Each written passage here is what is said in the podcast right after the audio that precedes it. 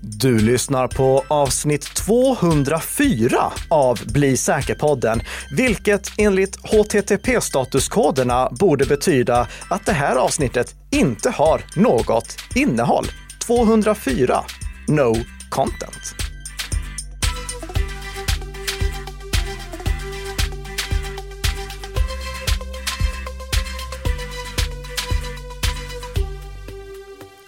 Aj då, då är det bara att packa ihop här och gå hem inför helgen eller? Ja, det, det är väl lika bra det. Eller så struntar vi i vad HTTP-statuskoderna säger, för det hade ändå blivit jobbigt när vi hade kommit fram till avsnitt 400 någonting. Du vet, 404 hittades inte ens. Det, nej.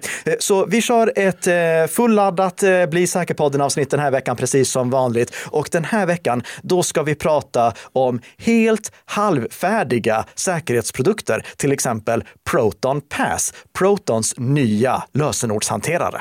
Just det. I eh, avsnittet som är inspelat den 29 juni 2023 sänds idag då den 30 juni 2023. Och det är precis som vanligt inspelat i ett ekonomiskt oberoende samarbete mellan Nika Systems och Bredband2. Och vi börjar med lite uppföljningar här. För vi har ett lite, jag bryr mig inte om om det är sant, det är för jävligt ändå, ögonblick. Ja, så du kallar det så?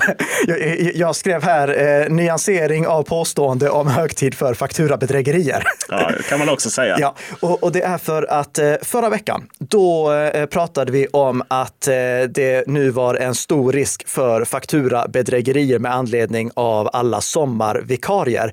Men Peter Internet Sweden Forsman, som vi också pratade om förra veckan i ett helt annat ärende. Han publicerade den här gångna veckan en bra bloggartikel som handlade om att det inte finns någon statistik som stödjer att det faktiskt är fler bedrägerier som sker på sommaren. Och med anledning av den så kollade jag på just fakturabedrägerier hos eh, Brottsförebyggande rådet och deras statistik. Och jag kan bara konstatera att det finns inget samband mellan att det är sommar och att det anmäls fler bedrägerier. Det betyder ju inte att inte uppmaningen som vi hade förra veckan är giltig. Alltså att när eh, det kommer in sommarvikarier eller när en medarbetare får nya arbetsuppgifter så är det viktigt att den medarbetaren är medveten om vilka risker som den nya, eh, de nya arbetsuppgifterna för med sig, både för medarbetarna och för organisationen. Och det är ju då till exempel för sommarvikarier att veta om problemet med att fakturabedrägerier förekommer. Men det gäller inte bara på sommaren alltså, det gäller året om. Men vad som gäller på sommaren är att vi har Almedalen. Och eh, tror du, Karl Milicka, att det har skrivits några tal ifrån i alla fall regeringshåll med hjälp av ChatGPT?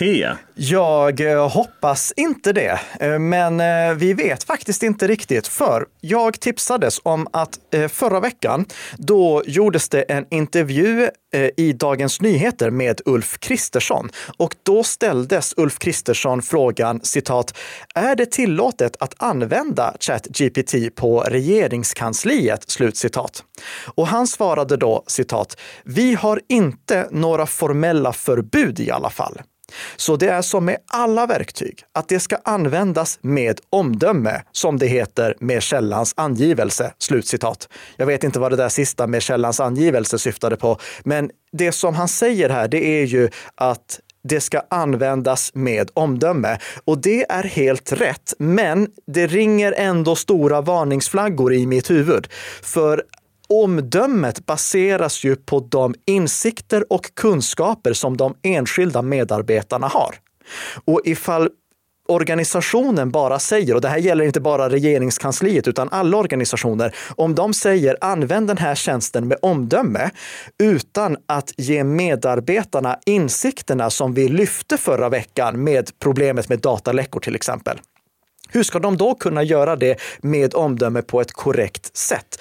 Ifall medarbetarna inte har rätt utbildning för att förstå vad det innebär att använda med omdöme, då är det bättre att förse medarbetarna med en lista över förutsättningar som måste uppfyllas för att en tjänst så som ChatGPT ska få användas. Så är det ju för att omdöme är ju inte någonting som kommer av Guds gåva. Det baseras ju möjligtvis på Karl Emil Nickas gåva när han informerar oss om vad som gäller här. Tack, nu, nu var du väldigt snäll. Och jag kan väl säga att om ni fick några aha moments förra veckan, ta jättegärna och klipp ut den delen av podden och dela med era medarbetare. Jag tog till och med och textade det avsnittet bara för att det skulle kunna användas i de sammanhangen. Jag kommer inte texta alla andra avsnitt för det tar en himla tid att texta dem. Men Eh, Eh, det var en sak till faktiskt eh, med anledning av förra veckans huvudämne som vi vill lyfta så här inledningsvis. Och det är ett tips som jag fick om att OpenAI, de som ligger bakom ChatGPT, de har ett formulär där det antyds att en person kan begära att få raderat uppgifter som finns i ChatGPT jag har kollat lite närmare på det formuläret och jag har också kollat på vad eh, OpenAI svarade till eh, den eh, italienska motsvarigheten till eh, vår integritetsskyddsmyndighet.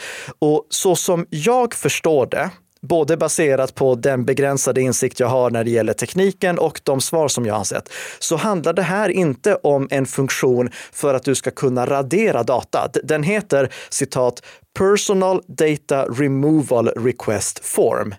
Men det handlar inte om att ta bort data ur modellen. Det handlar om att lägga in ett filter för vilken data som ChatGPT ska presentera i de svar som ChatGPT ger. Och det är en väldigt stor skillnad. För om det hade handlat om att du skulle kunna begära att få personuppgifter bortplockad, bortplockade ur modellen, då har ChatGPT eller OpenAI för det första uppfunnit någonting som inte jag begriper. Men för det andra så hade det inneburit att du hade kunnat få ut data från den här modellen. Du hade kunnat få bort data ur den. Eh, och jag vet inte hur det skulle gå till, eh, men då hade du också faktiskt haft ett GDPR-problem mindre eftersom du faktiskt hade kunnat få radera din data. Men så som det skrivs, så som de formulerar det här, så verkar det alltså snarare handla om ett filter som säger att okej, okay, när ChatGPT genererar den här informationen. Om ChatGPT genererar information som innehåller de här eh, blockerade personuppgifterna, då ska det inte inkluderas i svaret. Och det är en väldigt stor skillnad för att då finns ju fortfarande personuppgifterna i den här modellen. Kollar vi på vad eh, som den eh, eh, italienska motsvarigheten till Integritetsskyddsmyndigheten skriver så säger de så här eh, gällande vad OpenAI har förklarat för dem, citat på engelska. More specifically, OpenAI introduced mechanisms to enable data subjects to obtain erasure of information that is considered inaccurate, whilst stating that it is technically impossible, as for now, to rectify inaccuracies. Eh, den sista delen är också värd att tänka på där att eh, när det gäller GDPR, då handlar det inte bara om att du ska kunna få din data raderad. Du ska också få rättat in, eh, inaktuell eller eh, åtminstone eh, felaktig, inkorrekt var ordet jag letade efter, inkorrekt personuppgifter om det. In, korrekta personuppgifter om dig. Så får vi det grammatiskt korrekta ja, här också. Jag, jag, har aldrig, aldrig hört ordet rectify. Eh, rectify, eh, det, det, är eh, korrigera. Ja, jag ja. förstod det här. Mm, ja. tokigt. vi ska byta ämne helt och hållet. Mm. Och, eh, för det var länge sedan vi pratade om DuckDuckGo tycker jag. Det var det, men nu ska vi prata lite om det igen med anledning av att deras webbläsare för Windows nu är i publik beta. Härligt. Och, mm, och med anledning av veckans huvudämne ska vi poängtera ytterligare en gång här Eh, att det är publik beta. Eh, ni kommer förstå varför. Den här webbläsaren, det är en webbläsare som jag inte riktigt har förstått att det finns ett sånt stort intresse kring, men bevisligen gör det det. Det var till och med några av våra lyssnare som i eh, svaret på vår fråga som vi hade på sociala medier om vilka webbläsare de använde, som poängterade att ja, men vi, vi använder DuckDuckGo. Och ja, det är intressant. Nu är den här webbläsaren alltså även tillgänglig i publik beta för Windows. Den har till, tidigare varit i publik beta för Mac OS. Och det som skiljer DuckDuckGo från de flesta andra webbläsare som lanseras nu, det är ju faktumet att den inte är baserad på Chromium. Det är inte bara Google Chrome med bortplockade Google-funktioner och ditlagda alternativ, utan det är en egen webbläsare. En webbläsare som baseras på den webbläsarmotor som finns i det underliggande operativsystemet. Det innebär att MacOS-versionen, den kör WebKit, precis som Safari, och Windows-versionen, den kör Blink. Och Blink, det är alltså den webbläsarmotor som används i Chrome också, så det är fortfarande en webbläsare som är ganska lik Chrome. Men det är ju för att Microsoft, de har ju slängt ut sin gamla webbläsarmotor ur Windows, den som de underhöll själv och som Edge inledningsvis var baserad på och bytt ut den mot eh, den nya eh, Credge som jag kallade det. Alltså Edge. ja, eh, Edge eh, webbrenderingsmotor som är Chromiums Blink. Så det är fortfarande lite Chromium-inspirerat på Windows-versionen, men det är alltså inte med alla andra Chrome-funktioner inuti, vilket innebär också att det inte går att installera Chrome-tillägg i den webbläsaren. Eh, om vi kollar på alla de Chromium-baserade webbläsarna, de som har hela Chromium-grunden i sig, inte bara just webbläsarmotorn, då går det ju alltid att gå till Googles tilläggsbutik och installera tillägg därifrån. Det spelar ingen roll om du kör Chrome eller Opera eller Vivaldi eller Edge eller Brave. Det fungerar alltid. Men det gör det inte med DuckDuckGo, för med DuckDuckGo, då har de inte resten av Chromium-grunden. De har däremot två stycken intressanta funktioner som jag tycker att är värda att lyfta i den här podden. Och den första saken, det är Duck Player. Eh, Duck Player. Det är alltså... Fram med Nintendon och Zapgunnen här. Ja, det är just det. Det, oh, det är gamla godingen. Ja. ja.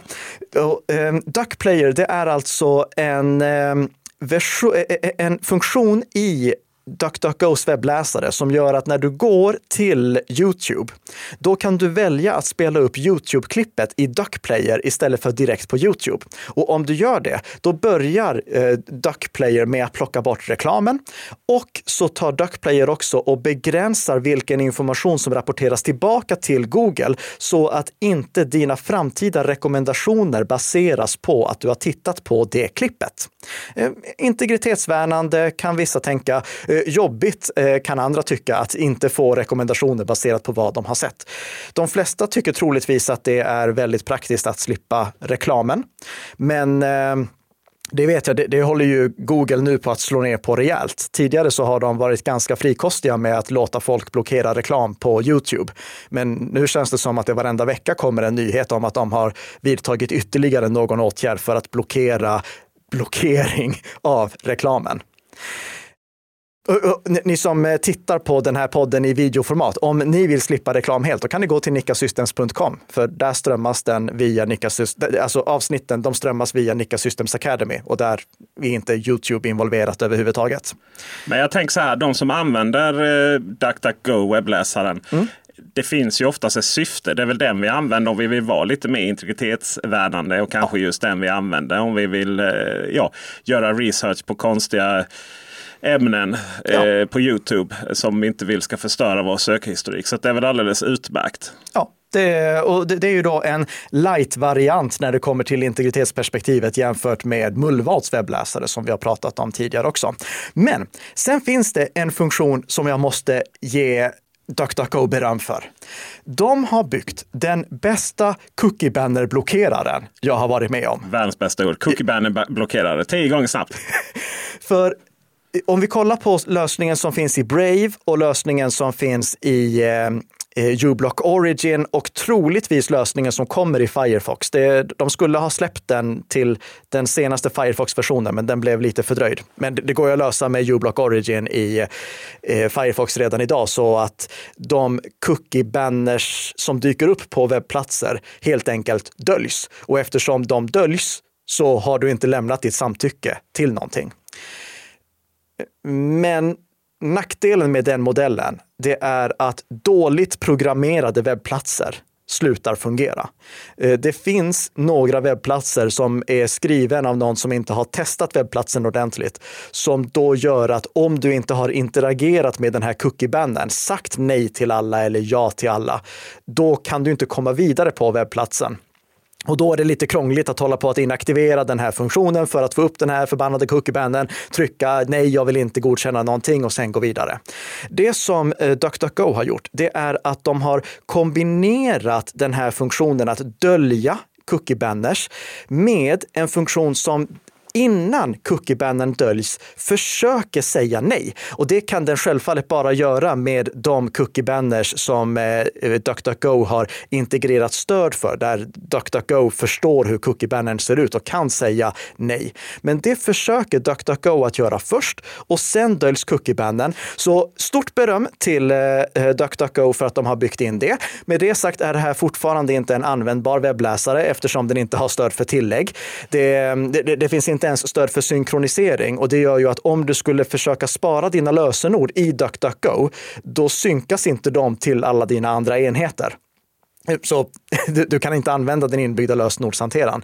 Eh, DuckDuckGo har löst det genom att faktiskt bygga en specifik integration för Bitwarden, alltså vår rekommenderade lösenordshanterare, så att du kan använda Bitwarden. Men det, det, är den, det är det enda tillägget som de liksom har lagt till stöd för direkt. Och jag kan tänka mig att det blir problem för dem att bygga bra tilläggslösningar eftersom på MacOS då måste de göra så att tilläggen fungerar med WebKit och på Windows måste de göra så att tilläggen fungerar med Blink. Så de har satt sig i en besvärlig situation där. Och sen så ska eh, de också ha lite kritik faktiskt. För det går fortfarande inte i DuckDuckGo. Jag, jag testade det här när jag fick tillgång till den tidiga betaversionen och jag testade nu när den skarpa versionen är släppt. Det går fortfarande inte att välja någon annan standardsökmotor än DuckDuckGo och det är helt oacceptabelt. För DuckDuckGo, nu pratar jag direkt till er. Ni hade inte existerat ifall det inte gick att välja er sökmotor som standardsökmotor i andras webbläsare. Så det är rent av oförskämt att inte låta er webbläsare ha andra sökmotorer inställda.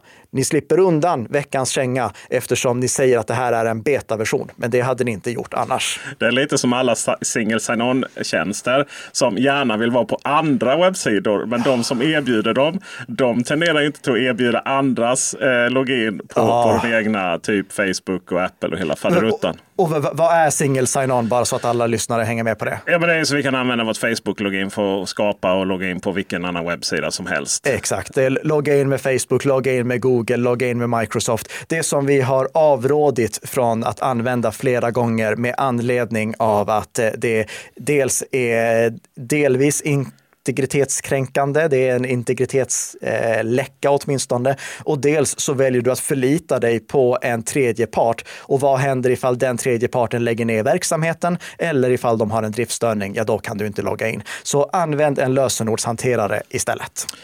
Och, eh, vi ska fortsätta prata lite om eh, cookie banners och integritet, eller bristen av det. För mm. Bonnier, ett av våra största mediehus här i landet, har åkt på böter på hela 30 13 miljoner svenska kronor. Eller som det heter på myndighetsspråk, en administrativ sanktionsavgift. Just det. Och vilken myndighet är det som har slängt dem där i, till, till, till dem i ansiktet? Jo, det är Integritetsskyddsmyndigheten. Och det skriver i ett pressmeddelande följande.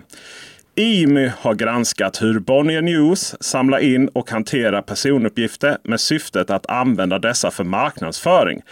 Bolaget samlar in uppgifter från flera olika källor som sedan används för riktad annonsering på webben, marknadsföring som skickas ut via fysisk post och gud förbjuder telefonförsäljning. Gud förbjude, var inte en del av citatet. citatet där. Nej. Eh, det handlar till exempel om uppgifter om köp som har gjorts i olika bolag i koncernen och surfbeteenden. Alltså hur internetanvändare surfat på bolagens webbplatser.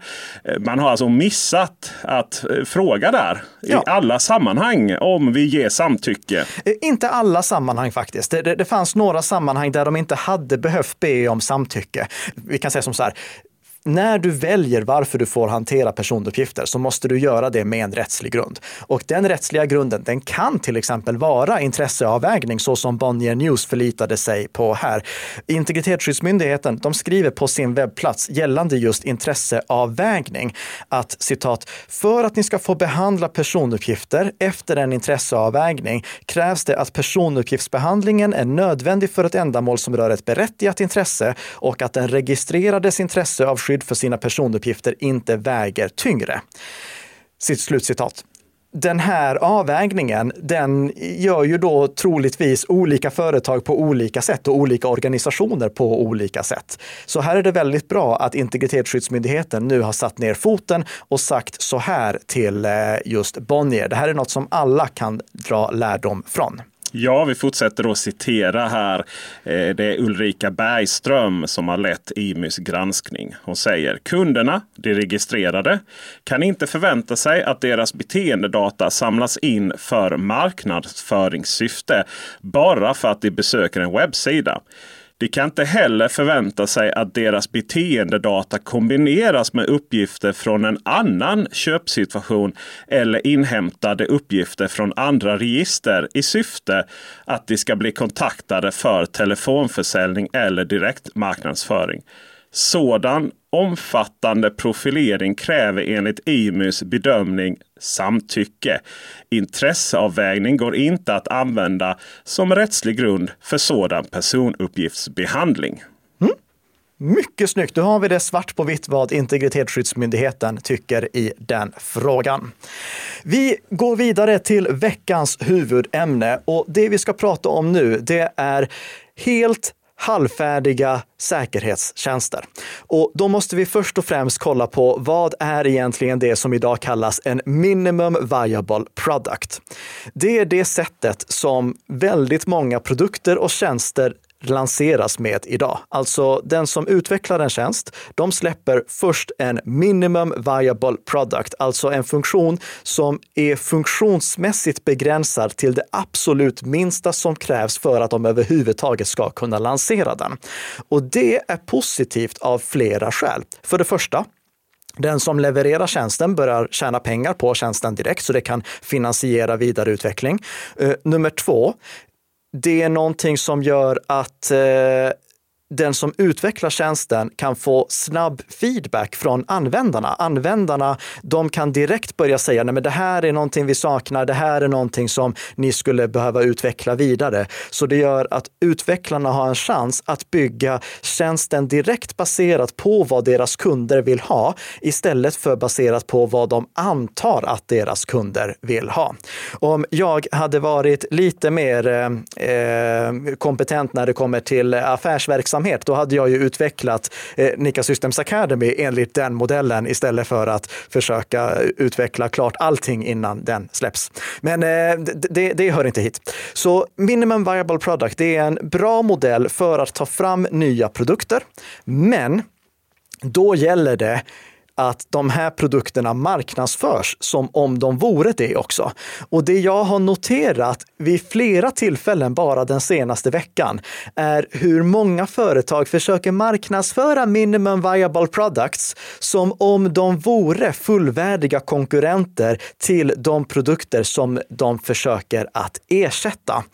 Och det som gör att vi tar upp det här som veckans huvudämne, det är lanseringen av Proton Pass. Alltså Protons eh, lösenordshanterare. Proton, det är ju de som ligger bakom Proton Mail som vi har rekommenderat, Proton VPN som vi har rekommenderat och även flera andra eh, produkter som inte riktigt är färdiga utan fortfarande befinner sig i det här minimum viable product-stadiet. Till exempel Proton Calendar som nu börjar närma sig att vara en användbar produkt. Det går till exempel inte att söka efter kalender eh, händelser i eh, vare sig webbversionen eller eh, mobilversionen.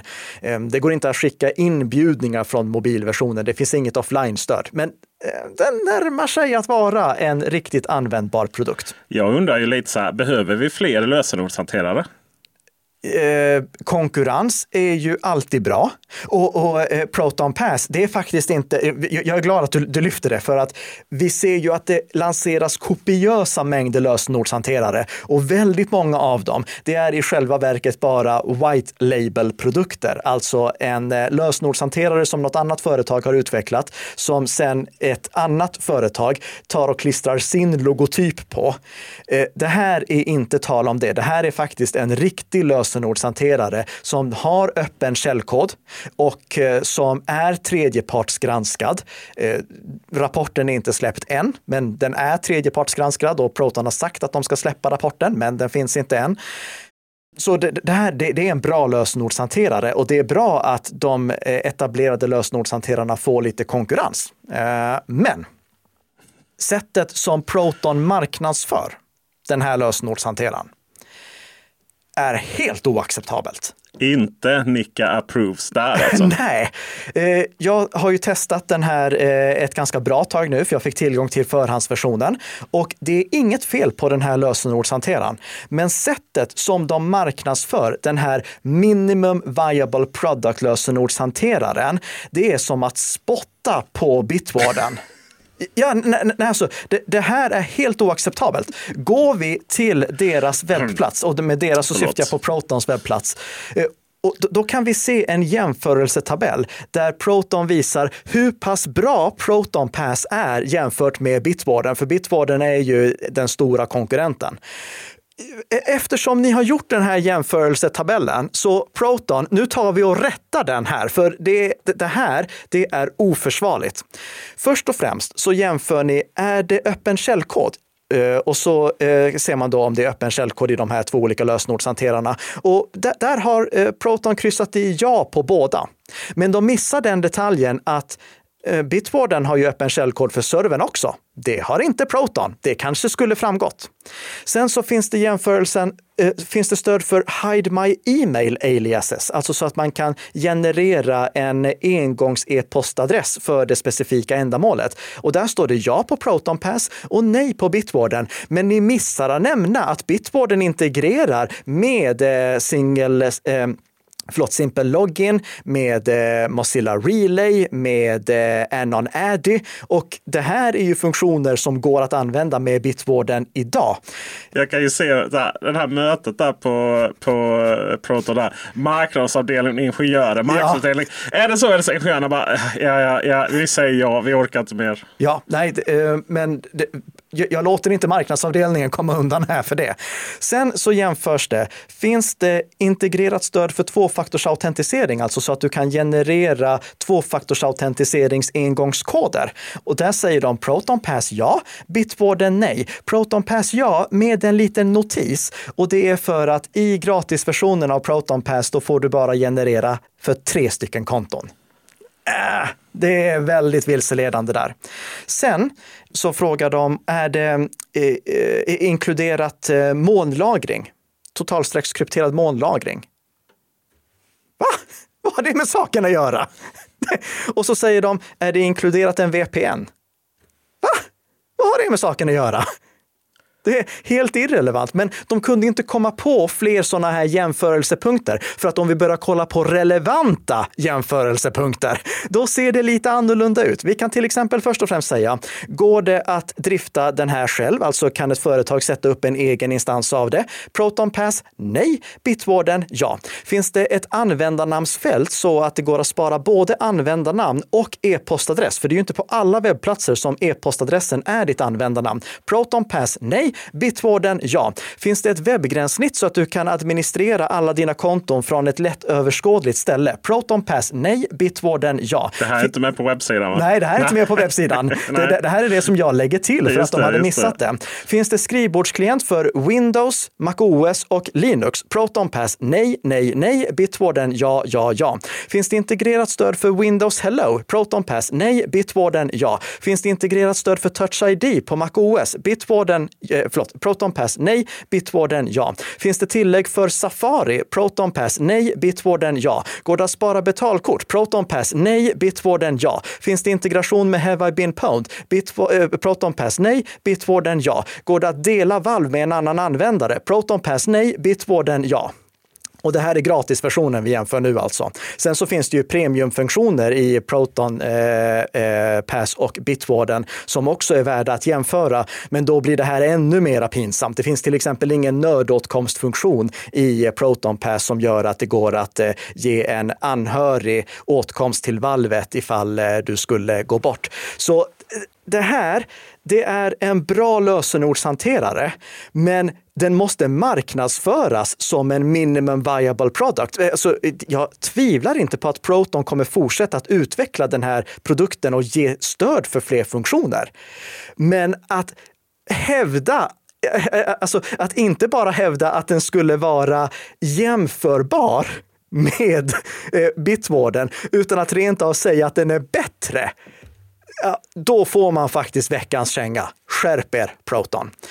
Det här problemet, det är dock inte på något vis isolerat till bara Proton. Vi ser det här från fler och fler företag, tycker jag. Eh, med reservation för att jag inte har gjort någon djupare jämförelse, men det känns som att fler och fler företag lanserar minimum viable products och föreslår att det här skulle kunna ersätta de redan befintliga mer kompetenta produkterna. Ett till exempel, det är Skiff Mail och jag tar upp det med anledning av att Skiff, det är en konkurrent till Proton Mail som eh, har börjat erbjuda en ny funktion den här veckan som jag tror att väldigt många är intresserade av, nämligen en egen domän. Alltså så att du kan ta din egen domän och skapa e-postadresser under den. Och det tänker ni nu att ja, men det har väl Proton också? Ja, men inte gratis. Det är inte en del av gratiserbjudandet. Det var det inte tidigare i Skiff Mail heller, men från och med den här veckan så är det en del av gratiserbjudandet. Och det här tror jag att kan locka jättemånga kunder som tidigare hade motsvarande funktion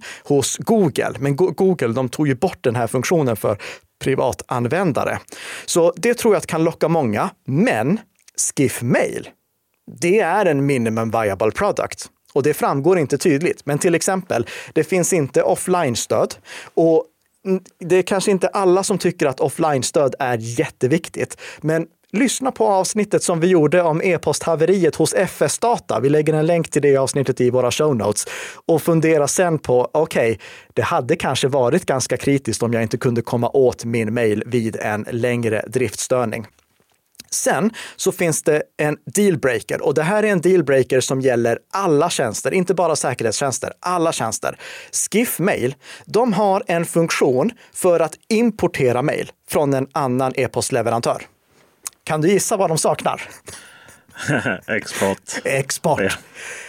Och det här är ju den första saken som jag kollar innan jag börjar använda en tjänst. Kan jag få ut min data? Jag är inte intresserad av huruvida jag kan importera min data om jag inte kan få exportera min data också. Definitivt inte när det gäller mejl. Här, eh, jag, jag, skrev om det här på Twitter i samband med den här nyheten om domäner och då svarade en av grundarna eh, på Skiffmail att det finns stöd för batch export i Skiffmail. Och Nej, det gör det inte alls. Det, då definierar du om vad batchexport är. För att då hävdar eh, den här grundaren att ja, men om du går in i varje mapp så kan du markera alla mejl och så kan du välja ladda ner.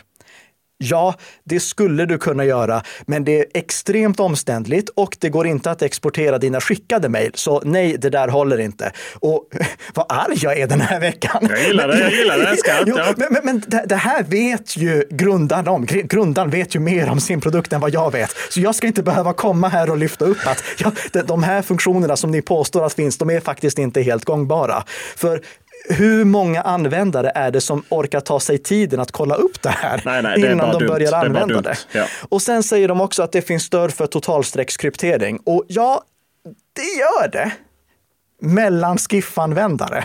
Mm. Men en e-posttjänst som bara stödjer totalstreckskryptering mellan användarna på samma plattform. Det, det, är ju bara som en lokal chatt i så fall. Poängen med e-post är ju att du kan mejla till vem som helst.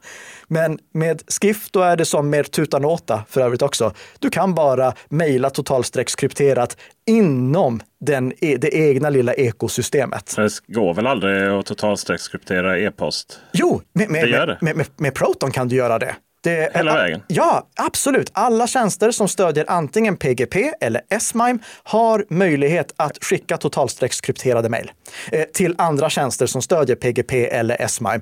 Och alla tjänster som du kan ladda ner dina mejl via eh, IMAP eller POP eller något annat sånt här traditionellt protokoll, Exchange för den delen också. Där kan du också använda de här funktionerna. Så vi har två stycken universellt gångbara lösningar för att kunna skicka totalstreckskrypterade mejl. PGP och S-MIME. Båda två suger stenhårt. Men det är det bästa vi har. Det, det är som livet är stort. Ja, jag, jag, jag, tvivlar inte på att eh, Skiffs och eh, Tutanotas lösningar är mycket bättre. Men vad spelar det för roll om de inte går att använda utanför det egna ekosystemet? Ja, eh, så rekommendationer med anledning av det här. För det första, alla ni som erbjuder tjänster, var öppna med vad det är ni erbjuder. Ni, ni skjuter er själva i foten långsiktigt ifall ni försöker dölja minimum viable products som om de vore fullt konkurrenskraftiga produkter. Och för alla er som skaffar nya tjänster, läs recensioner innan ni hoppar på något nytt. Och var jättenoga med att alltid kolla att det finns en möjlighet att exportera er data. Börja aldrig använda tjänster om exportfunktion saknas.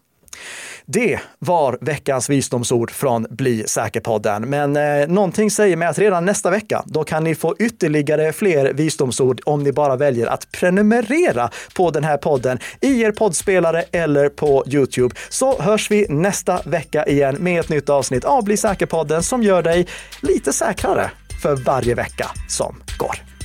Hej då!